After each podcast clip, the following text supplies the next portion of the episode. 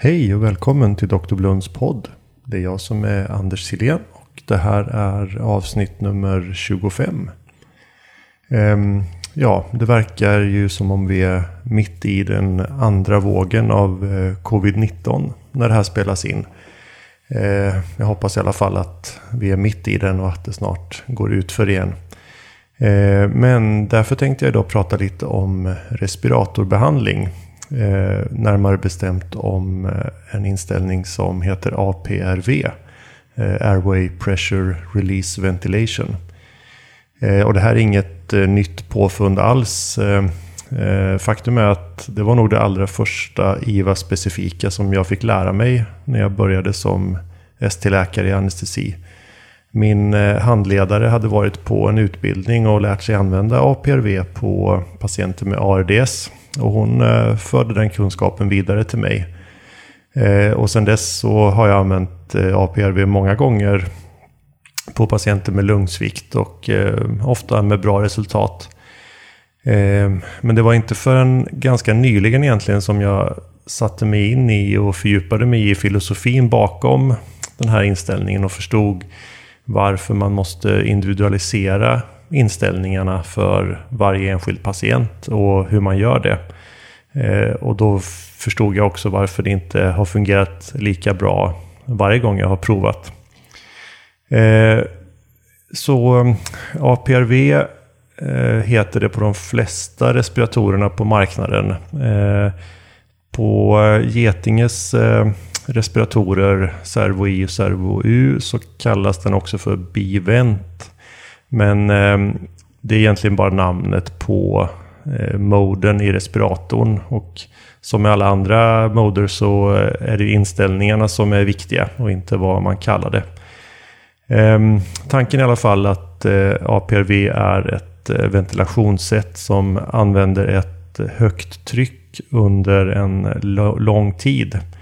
Ehm, man kan säga att det är som CPAP helt enkelt med eh, ett högt eh, pip. Där patienten kan spontanandas eh, fritt. Eh, men det som är speciellt är att man också har korta releasefaser. Eh, det som då ger R i APRV, Release Ventilation. Så från det där höga trycket som man har under lång tid så har man ett kort släpp där man släpper ner trycket lågt. Och sen tillbaka upp till den höga nivån. Och syftet med att eh, göra det här är att man bibehåller ett högt medeltryck i luftvägen. Och eh, syftet med det är då att man får en eh, långsam och eh, kontinuerlig rekrytering. Eh, det fungerar som med alla andra rekryteringsmanövrer. Man eh, blåser upp lungan med ett högt tryck. Men skillnaden är att det här pågår så länge så att man inte bara får rekrytering som kan ta några minuter upp till ett par timmar beroende på hur eh, sjuk lungan är. Utan man får också det som kallas för stabilisering. Där man håller alveolerna öppna eh, under så lång tid att eh, man hinner utjämna tryckskillnader i lungan mellan de friskare och de sjukare delarna. Och de tidigare sammanfallna alveolerna hinner bilda en ny surfaktant och därmed förhindra att de faller samman på nytt. Ehm, det här är alltså en modell eh, som, som ligger bakom den här eh, tanken och eh, givetvis så kan ju modellen vara onödigt förenklad men det är så jag tänker på det i alla fall. Det som man alltså måste undvika är det som kallas för derekrytering, det vill säga att delar av lungan hinner falla samman under expirationsfasen. Och nyckeln till det är eh, eh tidsinställningarna eh, som vi ska prata om strax. Ehm, eh, och eh, en annan sak som eh, man kan vinna med den här inställningen är att de snabba tryckfallen som sker under releasefasen eh, fungerar nästan som hoststötar och hjälper till att mobilisera sekret ifrån perifera lungdelar till mer centrala. Ehm, och nyckeln eh, i APRV är att det inte är vare sig tryck eller volymkontroll Utan istället så är det tiderna som styr eh, både respiration och ventilation. Och ett annat namn för den här metoden som jag beskriver idag är eh, TCAV, Time Cycled Assisted Ventilation. Så det kan man också hitta ibland i litteraturen. Ehm, um, APRV kan man använda som en primär inställning direkt efter intubation eller som alternativ terapi när någon av de mer konventionella metoderna inte fungerar så bra. Uh, och det finns faktiskt uh, evidens för att uh, både respiratortid och eh, mortalitet minskar hos patienter med ARDS. Och man har också sett fördelar hos bland annat traumapatienter. Ehm, så eh, då ska vi titta lite mer på den här inställningen. Men först något om eh, tidalvolymer och eh, pip och drivtryck som vi ofta pratar om i mer konventionella inställningar. Ehm, och det går inte att översätta direkt ehm, till andra respiratorinställningar men man kan göra mätningar under pågående APRV för att få en viss uppfattning i alla fall. Ehm, alla respiratorer tillåter att man eh, gör eh, inspirationspaus och expirationspaus. Oftast genom att man håller en knapp nedtryckt eh, på respiratorn. Och om man tar en förlängd inspiration så kan man ju då mäta platåtrycket precis som man gör när man använder sig av tryckkontroll eller volymkontroll. Och föga överraskande då så hamnar platåtrycket oftast väldigt nära det höga trycket som man ställt in i APRV. Eh, och ehm, vid en förlängd expiration, alltså en expirationspaus, då kan man mäta det pip som uppstår. Det kallas ibland för intrinsic pip. Eh, och det, är väl det som kanske avviker mest ifrån eh, det inställda. det brukar ofta hamna ganska högt, runt 15 sådär. Och eh, om man då vill få en uppfattning om det så kallade drivtrycket så blir det helt enkelt platåtrycket minus det här eh, intrinsic peep. Och eh, det brukar hamna i rimliga intervall, runt 15 sådär. Alltså någonting som vi skulle vara ganska nöjda med när vi eh, använder eh, mer konventionell inställning. Och eh, slutligen tidalvolymerna som ju inte är ett Eh, Eh, mål eller ett självändamål med den här behandlingen. Men märkligt nog eller bra nog kan man väl säga så brukar de oftast hamna i ett normalt intervall ungefär där som vi brukar vilja ha det. Alltså 6-8 ml per kilo kroppsvikt. Men som sagt, ingen av de här värdena är ju det som är målet med APRV. Målet är att ha ett högt medeltryck men ändå kunna bibehålla tillräckligt bra ventilation Eh, och de fyra parametrar som vi har att jobba med, förutom FiO2 då, det är två tryck, nämligen eh, P hög som det heter på de flesta respiratorer. Eh, och P låg, eller PIP som det heter på eh, en del. Eh, och eh, PIP eller P låg ska man alltid ställa på det lägsta värde som respiratorn tillåter, alltså noll eller 1. Eh, och eh, P-hög eh, kommer vi tillbaka till strax. Eh, sen har vi två tider. Det är T-hög, det är den tiden som eh, respiratorn upprätthåller det höga trycket. Och T-låg eller T-pip då, det är den tiden som den här releasefasen pågår. Och den viktigaste av de här inställningarna är just eh, T-låg eller T-pip. Därför att det är viktigt att den tiden är så kort att inte lungan hinner falla samman. Eh, och sättet som man gör det på är att man tittar på flödeskurvan i respiratorn under släppet, alltså när respiratorn släpper ner till T-låg då eh, startar en utandningsfas. Ehm, om då tittar man på eh, toppflödet, alltså peakflödet under utandningen. Och så försöker man se till att utandningsfasen, alltså T-låg, avslutas när flödet sjunkit till 75% av maxflödet. Alltså när flödet sjunkit till 75% av maxflödet med en fjärdedel. Eh, och det här kan man då göra eh, med eh, en visuell uppskattning. Det brukar fungera ganska bra. Eh, man tittar var eh, toppen på kurvan är och så delar man bara in Eh, den i fyra delar. Och sen så försöker man ställa in T-låg så att eh, flödeskurvan avslutas där Och man går tillbaka till eh, P-hög igen i det läget. En del respiratorer har en automatisk funktion för det här som kallas för auto-release. Och det är väldigt smidigt. Då ställer man bara den på 75% och sen sköter respiratorn resten. Ehm, och den här eh, T-pip kommer ju då att bero mest av allt på lungornas eh, compliance eller eh, på elastansen i systemet. Alltså hur stela och elastiska lungorna och eh, den omgivande vävnaden är. Om man har väldigt stela lungor då kan man ju tänka sig att eh, flödet sjunker snabbare. Det vill säga lungorna tömmer sig fortare därför att eh, de är stelare och mer elastiska. Då kommer man att få kortare T-låg. Har man mer eh, eftergivliga lungor, alltså med högre compliance och lägre elastans, ja, då blir det längre tider. Som riktvärde kan man säga att friska lungor, alltså med eh, ganska normal eh, compliance, där brukar T-låg vara ungefär 0,7 sekunder. Eh, och på mycket svårt sjuka lungor, eh, vid svår ARDS, så kan det vara så lågt som eh, 0,3 sekunder.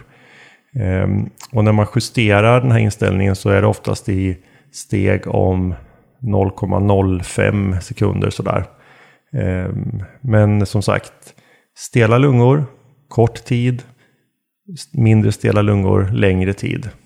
Men det blir väldigt sällan längre tid än 0,7-0,8 sekunder sådär. Eh, och slutligen då så har en del respiratorer möjlighet att ha tryckunderstöd under APRV. Och de ska alltid lämnas på noll. Eh, patienten spontanandas ju fritt under tiden men om man sätter på tryckunderstöd så kan man få väldigt stora trycksvängningar och eh, det har inget eh, bra Eh, det, det, det vill vi inte. Eh, en, vissa respiratorer har istället något som kallas för tubkompensation som är en sorts eh, graderad tryckunderstöd som eh, tar hänsyn till flödesmotstånd i eh, tuben eller eh, trakealkanylen. Den ska man i allmänhet lämna påslagen. Eh, det är i alla fall rekommendationen. Eh, men om man ser att man får problem med höga topptryck så kan man eh, skruva ner den eller stänga av den. Det är i alla fall inte nödvändigt för funktionen. Så när man eh, startar en patient på APRV så brukar oxygeneringen i allmänhet förbättras ganska snabbt och man kan oftast titrera ner sitt FiO2 ganska snabbt under de första timmarna. Eh, skulle det vara så att eh, eh, saturationen ändå inte går upp eller om den går ner så kan man behöva öka trycket, alltså P-hög, eh, lite grann så att man på så vis ökar medeltrycket. Eh, en viktig eh, sak att eh, komma ihåg är förstås att det ökade medeltrycket i thorax kan påverka hemodynamiken, precis som vid alla andra rekryteringsmanövrer. Så om man har en patient som är hypovolem så kan man se en drastisk sänkning av eh, blodtrycket. Ehm, då behöver man eh, snabbt eh, sänka trycken igen, resuscitera patienten, helt enkelt ge volymsbolus och sen starta på nytt med APRV. Men som sagt, eh, syresättningen brukar förbättras ganska snabbt. Det som däremot eh, ibland kan vara ett problem är ventilationen. Eh, har man en patient som behöver stora minutvolymer för att eh, hålla sitt eh, PCO2, sitt pH, så kan man ofta se att det blir lite bekymmer, särskilt i början innan man har rekryterat tillräckligt många alveoler för att få ett bra gasutbyte. Ehm, minutventilationen i APRV har två komponenter. Det ena är patientens spontanandning eh, som kan ske under hela respiratorns eh, andningscykel. Eh, och det andra är de volymer som utväxlas i samband med eh, releasefasen, alltså när trycket släpps från T-hög till T-låg. Ehm, och, eh, Eh, och idealt så vill man att eh, patienten ska stå för åtminstone hälften av minutventilationen med sin spontanandning. Eh, men för att uppnå det så krävs det en noggrann titrering av sederingen och det är inte alltid möjligt om man har en väldigt svårt sjuk patient. Så då blir respiratorns bidrag större och ibland kan det vara hela ventilationen. Och vill man då få en uppfattning om Eh, hur den här ventilationen kan påverkas så får man räkna om eh, sin eh, APRV-inställning till mer konventionella mått. Alltså man får börja prata om andningsfrekvens och andningsfrekvensen då kan man säga blir 60 dividerat med summan av T hög och T låg. Det vill säga en andningscykel är ju hela T hög plus hela T låg. Och ju kortare det är desto fler andetag blir det per minut. Eh, T-låg ändrar vi inte på utom baserat på lungcompliance. Alltså T-låg bestäms ju av flödeskurvan. Så den kan vi inte ändra på. Däremot T-hög kan vi ändra på eh, för att öka andningsfrekvensen. Så vill vi öka på minutvolymen och patienten inte spontanandas, då får vi korta, minska på T-hög. Ehm, det som då händer är att vi får en större minutvolym, men på bekostnad av medeltrycket som kommer att sjunka en del. Och eftersom medeltrycket antas vara det som bidrar till rekrytering och stabilitet så kan man ibland behöva öka på P-hög i samband med att man minskar på T-hög. Ehm, om man nu vill uppnå en högre minutventilation. Men generellt så får man räkna med att ventilationen blir lite sämre och eh, en eh, så kallad permissiv hyperkapni eh, rekommenderas faktiskt. Och då kan man ha ett, ett mål att hålla pH över 7,25 i alla fall. Och då får man tolerera att PCO2 stiger lite. Det här kan ju förstås vara besvärligt om patienten har en samtidig skallskada. Men det är relativt ovanligt att eh, patienter på en neurokirurgisk intensivvårdsavdelning också har ARDS. Ehm, men det är viktigt att tänka på att man kan inte räkna med eh, helt normalt eh, PCO2 under APRV-behandling. Ehm, om vi ska ta några exempel då på typvärden som eh, man kan ställa in eh, respiratorn på. Eh, så för en relativt frisk lunga så behövs det oftast ett P-hög på 20 till 25 hektopascal eller centimeter vatten beroende på vilken enhet man gillar. Pip eller P-låg ställer vi då på lägsta möjliga som är 0 eller 1 beroende på respirator. Eh, T-hög eh, rekommenderar jag att man börjar på mellan 4 och 5 sekunder. Och eh, T-låg eller T-pip på 0,7 sekunder då för en frisk lunga. Ehm, då får man en andningsfrekvens som kommer att vara 10 till 12. Alltså det kommer ske 10 till 12 sådana här släpp per minut. Eh, och eh, sen får man då justera beroende på oxygenering och ventilationsbehov. Ehm, men först av allt så ska man justera T-pip genom att titta på flödeskurvan och se till att tiden, eh, det släpp, släpptiden inte blir längre än att flödet sjunker till 75% av max. Ehm, har man istället en patient som redan har en svår ARDS, alltså med låg compliance, väldigt stela lungor, eh, så kommer man att behöva ett eh, betydligt högre tryck. Eh, p-hög får då bli 30 eller ibland något mer. Om man har om patienten redan ligger i respirator, vilket väl oftast är fallet, så kan man utgå från det topp eller platåtryck som man hade i sin föregående inställning. Eh, PIP eller P-låg, återigen då lägsta möjliga. Eh, och eh, T-hög får man här då ofta göra lite kortare därför att en patient som är svårt lungsjuk har ofta behov av lite högre minutvolymer också. Eh, så om man vill räkna ut, om man vill efterlikna då andningsfrekvens och minutvolym som man hade från tidigare så kan man helt enkelt ta eh, 60 dividerat med den andningsfrekvens som man vill ha.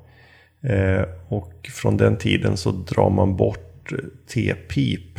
Och T-pip för en stel lunga eh, bör man kanske börja med 0,3 sekunder och sen justera som ovan.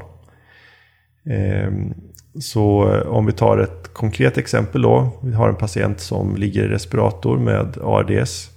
Eh, har ett PIP på 15. En eh, tryckkontroll på låt säga 20 över PIP, alltså platåtryck på 35. Eh, och en andningsfrekvens på 20 per minut. Om jag då ska ställa in den här patienten på APRV så kommer jag att välja ett P-hög på 35, alltså samma som platåtrycket var innan. Ehm, pip eller p-låg sätter jag då på 0 eller 1. T-pip eller T-låg på 0,3 sekunder. Och sen så kan man räkna ut att om andningsfrekvensen var 20 innan så vill vi nu att en hel andningscykel ska vara 60 delat på 20, det vill säga eh, 3 sekunder. Eh, och eftersom T-pip är 0,3 sekunder så blir T-hög 2,7 sekunder. Eh, sen så får man helt enkelt eh, vänta en kvart, 20 minuter, ta en blodgas och så får man eh, titrera eh, sina tryck och sina tider så som eh, man önskar. Eh, så vill man förbättra ventilationen så har man alltså eh, några alternativ. Dels kan man försöka minska sederingen så att patienten börjar spontanandas. Det är det bästa eh, sättet att göra det på.